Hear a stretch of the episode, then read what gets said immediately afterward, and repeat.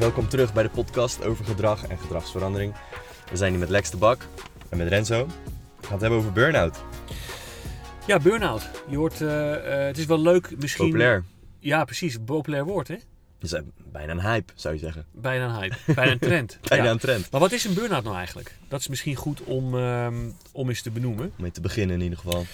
Ja, want ehm, je ziet dat een burn-out, maar ook bijvoorbeeld een, een quarter-life crisis of een midlife crisis, dat waren vroeger wat meer populaire woorden. Het is nu vooral eh, burn-out geworden. De vraag is van eh, op wat voor manier moet je hier nou naar kijken? Wat is nou uiteindelijk ehm, in praktische zin die burn-out? En ehm, dit heeft alles te maken met belasting van mensen. En ik wil terug met je naar aflevering 1, waarin we zeggen: wat is nou uiteindelijk een mens? Een mens is de optelsom van zijn eh, aanleg, zijn ervaringen van vandaag tot nu, van geboorte tot nu, en zijn omgevingsfactoren van dit moment. Dus ik moet dus blijkbaar als mens matchen met mijn omgeving. Als ik eh, de vaardigheden heb geleerd die nodig zijn op mijn werk, heb ik een goede match. Eh, doe ik eh, bij de sollicitatie fake it until you make it, dan eh, heb ik misschien mezelf opgeblazen en kom ik er op het werk achter dat ik eigenlijk de competentie niet heb voor de klus die mij, waar ik voor aangenomen ben. Ehm, dan zit er blijkbaar meer spanning op de lijn. Dus kan ik mijzelf als mens handhaven in een omgeving waar ik in terecht kom. Ik heb geen ervaring met kinderen, maar ik word voor de eerste keer ouder. Dat levert stress op. De omgeving plaatst in feite, ja, ikzelf als, als je moeder bent, maar ehm, de omgeving plaatst in feite een kind in mijn, er zit nu een, een kind in mijn omgeving. Dat vraagt iets van mij en hoe overbrug ik die afstand? Er wordt een naaste ziek, ik moet mantelzorger zijn. Eh, ik heb een relatie, eh, eh, ik moet partner zijn. Dus wat je ziet is dat de mens zich op allerlei manieren heeft te verhouden tot die omstandigheden, zou je kunnen zeggen. De vraag is alleen, en daar komt die, de optelsom van al die rollen die je hebt in het leven. Al die dingen opgeteld. Je bent mantelzorger, je bent misschien ouder van kinderen, je hebt misschien een carrière, je hebt nog een sociaal netwerk met vrienden, je hebt naasten die je ook nog eens een keer wil zien, je bent een broer van of zus van, je bent een oom of tante. Je hebt allerlei soorten eh, eh, eh, taken en rollen in het leven. En de vraag is, is de optelsom van die omgevingsfactoren te doen voor de persoon die jij geworden bent? Sommige mensen die eh, komen erachter eh, door continu over hun macht, op, hè, dus over hun macht te tillen, komen ze erachter dat het in feite te veel is wat ze in hun omgeving hebben, rond, hebben zitten. En dat er dus eigenlijk te veel wordt gevraagd van ze. En uiteindelijk worden die mensen eh, ziek of ze worden in feite eh, eh, overbelast, zou je kunnen zeggen. Je kunt dan het woord overspannen, dat werd vroeger dan gebruikt. En nu het Bijnieruitputting hoor je ook vaak. hoe, hoe heet het? Bijnieruitputting. Bijnieruitputting. Ja, daar kan ik zo wel eventjes op ingaan. In ieder geval, of het nou overspannen is of het is burn-out. Er is een soort eh, een ding aan de hand waarin je dus te veel wordt overvraagd ten opzichte van de mens die je geworden bent. Kun je dat iets verder toelichten? Want wie ben je geworden? Wie, wie, wie ben ik? Exact, exact. Dus met andere woorden, er zijn dus mensen die. eh, mensen zijn op verschillende manieren belastbaar. Dus bij een burn-out zie je eigenlijk gebeuren dat iemand niet belastbaar is ten opzichte van zijn omstandigheden. Maar wat de een aan kan, is iets anders wat de ander aan kan. Want wie ik nou geworden ben, is iets anders wat jij bent geworden, zeg maar. Dus er zijn dus mensen die op latere leeftijd burn-out raken van omstandigheden die voor jongere mensen onbegrijpelijk zijn bijvoorbeeld, of voor leeftijdsgenoten onbegrijpelijk zijn, omdat namelijk het helemaal niet zo complex is, toch, wat ze te doen hebben. Ze hebben alleen maar een baan en ze hebben dan een vriend en wat vrienden en dan nog raken ze burn-out. Ik ken mensen van 30 die al drie keer burn-out zijn geweest. Maar ik ken ook mensen van 60 die nog nooit burn-out zijn geweest en zelfs nog nooit een dag ziek. Dus, dus dat contrast van wat kun je dan aan en wat kun je niet aan, dat wordt in feite een soort van, ja, eh komt naar de oppervlakte bij, eh, bij stressvolle dingen in de omgeving. En dan zie je dus op een gegeven moment gebeuren dat mensen dus bijvoorbeeld burn-out kunnen raken en daar dus taal aan geven. Ik ben nu, ik ben nu zo zwaar belast dat ik dus nu in feite uitschakel. Het lichaam krijgt klachten, de geest eh, krijgt klachten En de persoon in kwestie schakelt in feite uit. Wordt gedwongen tot meer rust. Ja. Bijnieren. Ja, ik wil nog heel veel terug eerst op. eh, natuurlijk is een gedeelte hier ook genetisch. Genetisch aanleg, denk ik. Want je hebt het net over iemand die, die nog nooit ziek is geweest, zelfs ook.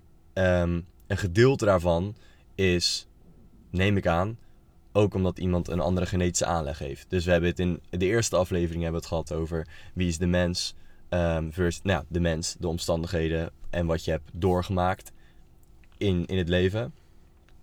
Dus is burn-out komt dat samen met wat ik allemaal heb meegemaakt, maar ook wie ik al ben, genetisch gezien?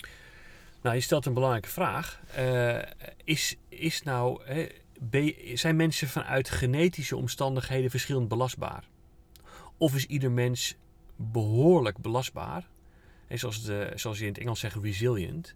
Zijn mensen veel meer resilient en zijn niet alle mensen heel erg resilient. Alleen niet iedereen heeft geoefend met weerbaarheid en resilience. Ik denk zelf dat eh, ja, op het gebied van waar ik gevoelig voor ben als individu. Hè, daar hebben we het in, eh, in aflevering 1 ook over gehad.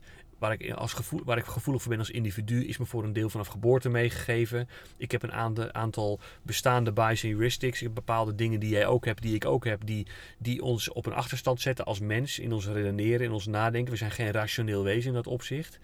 Ehm, maar dat zijn geen zaken die ingaan op belastbaarheid. Ik denk dat ieder mens eh, in meer of mindere mate evenveel belastbaar is. Ik denk alleen dat er een aantal mensen zijn die heel weinig geoefend hebben met belastbaar zijn. En een aantal mensen zijn die heel veel geoefend hebben met belastbaar zijn. En natuurlijk ook een groep die ertussenin zit. En ik denk dat ehm burn-out een signaal is dat er misschien ten aanzien van belastbaarheid of nog te oefenen valt, zou je kunnen zeggen. Ja, of, en je hebt ook het boek Flow gelezen, het is ook aangetoond dat we maar een aantal miljard prikkels per dag aan kunnen in totaliteit.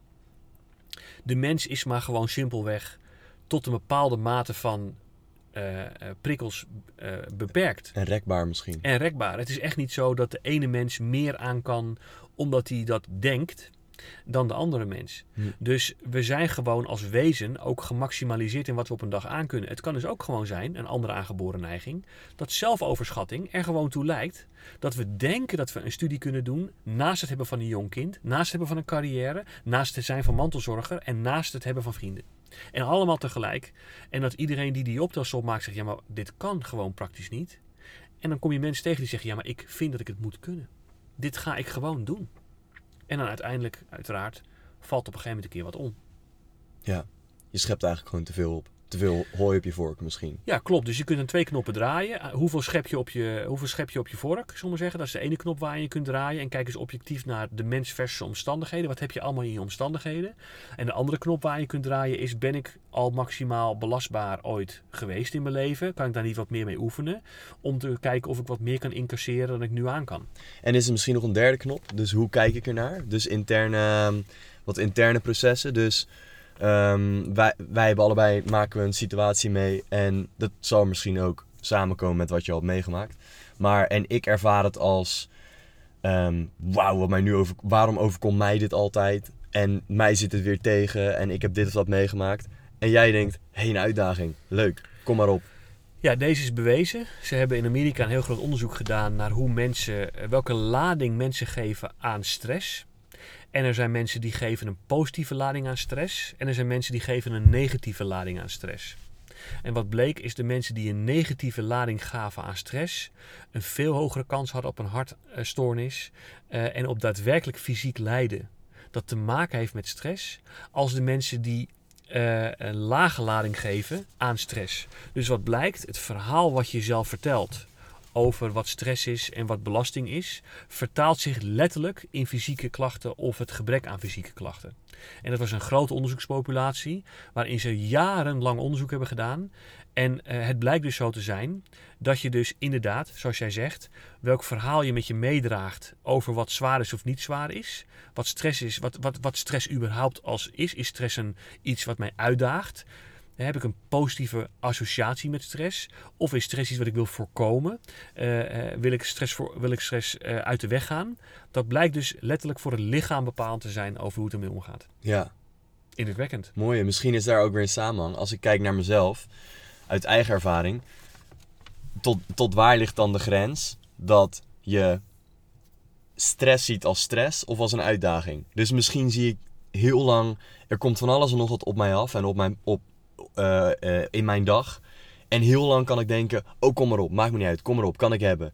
Tot ik een langere periode slecht slaap, eigenlijk veel te veel ehm, dingen moet doen en te weinig dingen kan doen omdat ik er tijd voor heb of omdat ik er ruimte voor maak of ruimte voor heb of kan ontspannen. Tot op een gegeven moment ik het moment heb bereikt dat de, ehm, eh, dat de tafel omdraait, zeg maar. En dat ik alleen maar zie van, komt er weer iets op mijn pad. Ik kan het niet meer aan, weet je. Dit is te veel, ik moet stoppen, ik moet rust. En hoe pak je het dan aan? Ehm, nou, ik denk door actief weer rust in te, in te plannen. Slaap is een hele belangrijke. Slaap is denk ik echt een hele belangrijke. Gewoon actieve rust. Maar let op, dan moet je dus wel met de verantwoordelijkheden die je hebt, die slaap kunnen pakken. Ja, precies. Als je bijvoorbeeld even dit is, dus ik, ik volg wat je zegt, maar er zijn dus mensen die in omstandigheden zitten die dus niet zo makkelijk te beïnvloeden zijn of die af te bouwen zijn.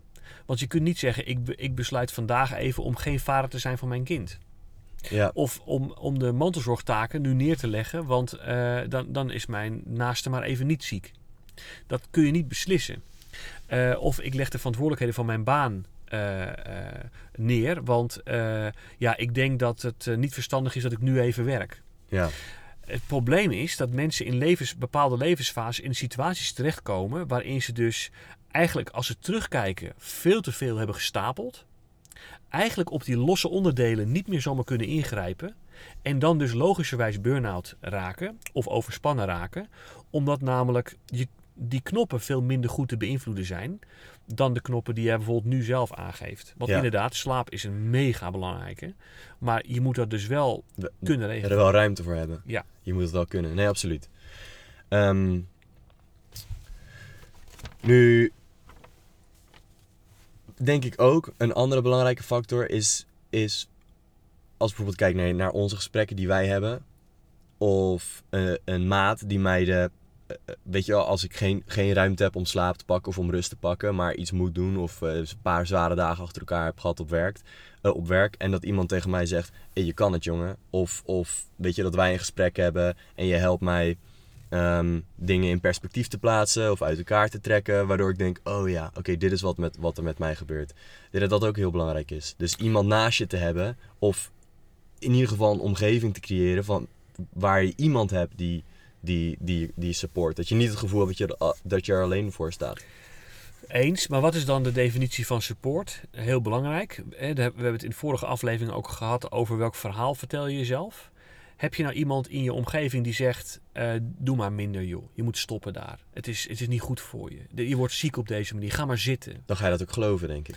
Als je dat lang genoeg in je omgeving hebt en je hebt meerdere mensen bijvoorbeeld die dat in je omgeving vertellen, ga je dat geloven.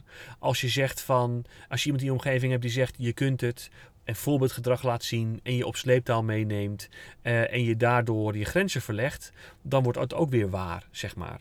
Ja. Dus dus eh, wat je in je omgeving hebt eh, en wat voor verhaal in je omgeving wordt verteld, ehm, is extreem belangrijk natuurlijk voor het maken van een stap of juist het legitimeren van geen stap. Ik ga geen stap maken, want eigenlijk is iedereen met me eens dat ik, eh, dat ik eigenlijk gewoon thuis moet blijven. Ja. Dat kan ook. Dus je haalt een hele belangrijke om, eh, aan.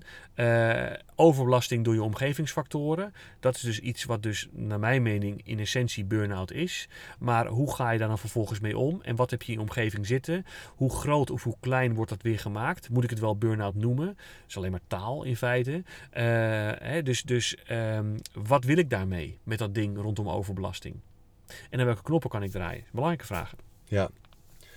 Oké, heel kort wil ik inhaken op de bijnieruitputting. Ja. Ga ik heel... Sluit jij daar eens even mee af? Ja, eh, nou ja, de nieren, bijnieren, is eigenlijk het is een hormoonproducerende eh, weefsel. En dat zit dus bovenop de nieren zelf. En die is verantwoordelijk voor adrenaline, eh, productie, noradrenaline en cortisol. Best wel bekende, vooral adrenaline en, en cortisol zijn best wel bekende hormonen. Cortisol is bekend als het stresshormoon. Maar eigenlijk is het een heel belangrijk hormoon. Cortisol zorgt er namelijk voor dat wij in de ochtend, die is in de ochtend, in ieder geval in een natuurlijke ehm, cyclus, is die in de ochtend het hoogst. Waardoor we ons bed uitkomen en gemotiveerd voelen en, en in actie willen komen. En in de, in de avond zie je eigenlijk dat die afneemt of af zou moeten nemen. Waardoor we kunnen gaan slapen en kunnen herstellen. Dus een laag cortisol is belangrijk dat we kunnen herstellen.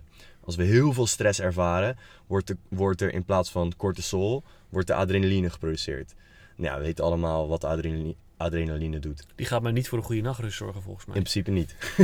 Meestal niet. Eh, maar cortisol is dus heel belangrijk. En, en vooral de cortisol, of een gezonde cortisolcyclus. Dus als wij s'avonds ook nog heel veel stress ervaren. En eigenlijk altijd hoog zitten in cortisol. Dan slapen wij minder goed. Kunnen minder goed uitrusten. En op een gegeven moment, die, je, je blijft eigenlijk, zeker als je in heel veel stress blijft zitten, blijf je vragen aan de bijnieren om hormonen te blijven produceren. Adrenaline is nog meer, nog intensiever om adre- adrenaline te produceren. Alles gaat nog meer aan. Het is eigenlijk een soort, eh, nou niet helemaal, maar cortisol on steroids, zeg maar. Even quick and dirty. Nu, nu, op een moment dat je bijnieren uitgeput zijn, of eigenlijk als je een langere tijd zoveel hebt gevraagd van je bijnieren, zeggen je bijnieren op een gegeven moment van weet je wat, ik stop ermee. Ik, ik ga kappen, ik heb hier geen zin meer in. En dan is wat, wat er dus heel veel, wat je veel ziet bij mensen met burn-out, hebben een nachtrust gehad van 10 uur, wat in principe meer dan genoeg zou moeten zijn, maar toch word je wakker alsof je overreden bent, alsof er een vrachtwagen tegen je aan is gereden. Je hebt geen motivatie, je hebt geen kracht, je krijgt eigenlijk niks voor elkaar. Je hebt geen cortisol. Je bijnieren zijn gestopt met cortisol produceren. Ah, ja. Volgens mij heb je een beetje onthuld eh, voor het eerst. eh, Ja. dat je een achtergrond hebt in uh, orthomoleculaire geneeskunde. Ja, Prima. Ja. Dankjewel voor deze toevoeging. leuk. Oftewel, je kunt dus jezelf in een negatieve spiraal terecht laten komen. eh, als je niet goed kan slapen, dan eh, put je jezelf nog meer uit, waardoor je niet goed kan slapen. Ja. En, en dat is met veel dingen zo in het leven. Dat je jezelf kunt verslechteren in een bepaalde toestand, of juist naar, naar, eh, omhoog kunt werken, zeg maar. Ja. Mooie toevoeging. Ja, en ik denk dat het ehm, belangrijk is om soms, eh, ook, al, ook al heb je misschien geen tijd om te slapen, heb je misschien één momentje waar je even kan stoppen. Snap je? Ja. En, en heel even, de, als we dus puur kijken naar, naar bijnierproductie, naar cortisolproductie of adrenaline, heb je één momentje dat je eventjes de, de, de hoge productie van adrenaline of cortisol omlaag kan brengen. Ja. Zodat je kan herstellen. Daar begint het. Daar begint het. Dat zou al mooi zijn. zou mooi zijn, ja. We sluiten ermee af. Ja, Ik sluit eh, dit keer met dank af van jou. Mooi. graag gedaan. Dank voor je toevoeging. Jij ook bedankt. Bedankt voor de luisteraar. Op naar de volgende. Eh, nogmaals, voor de luisteraar. Als je vragen hebt, ingevingen hebt, als je iets van vindt, stuur ze in. Meer informatie in de, in de show notes. Zo is het. Kom maar op.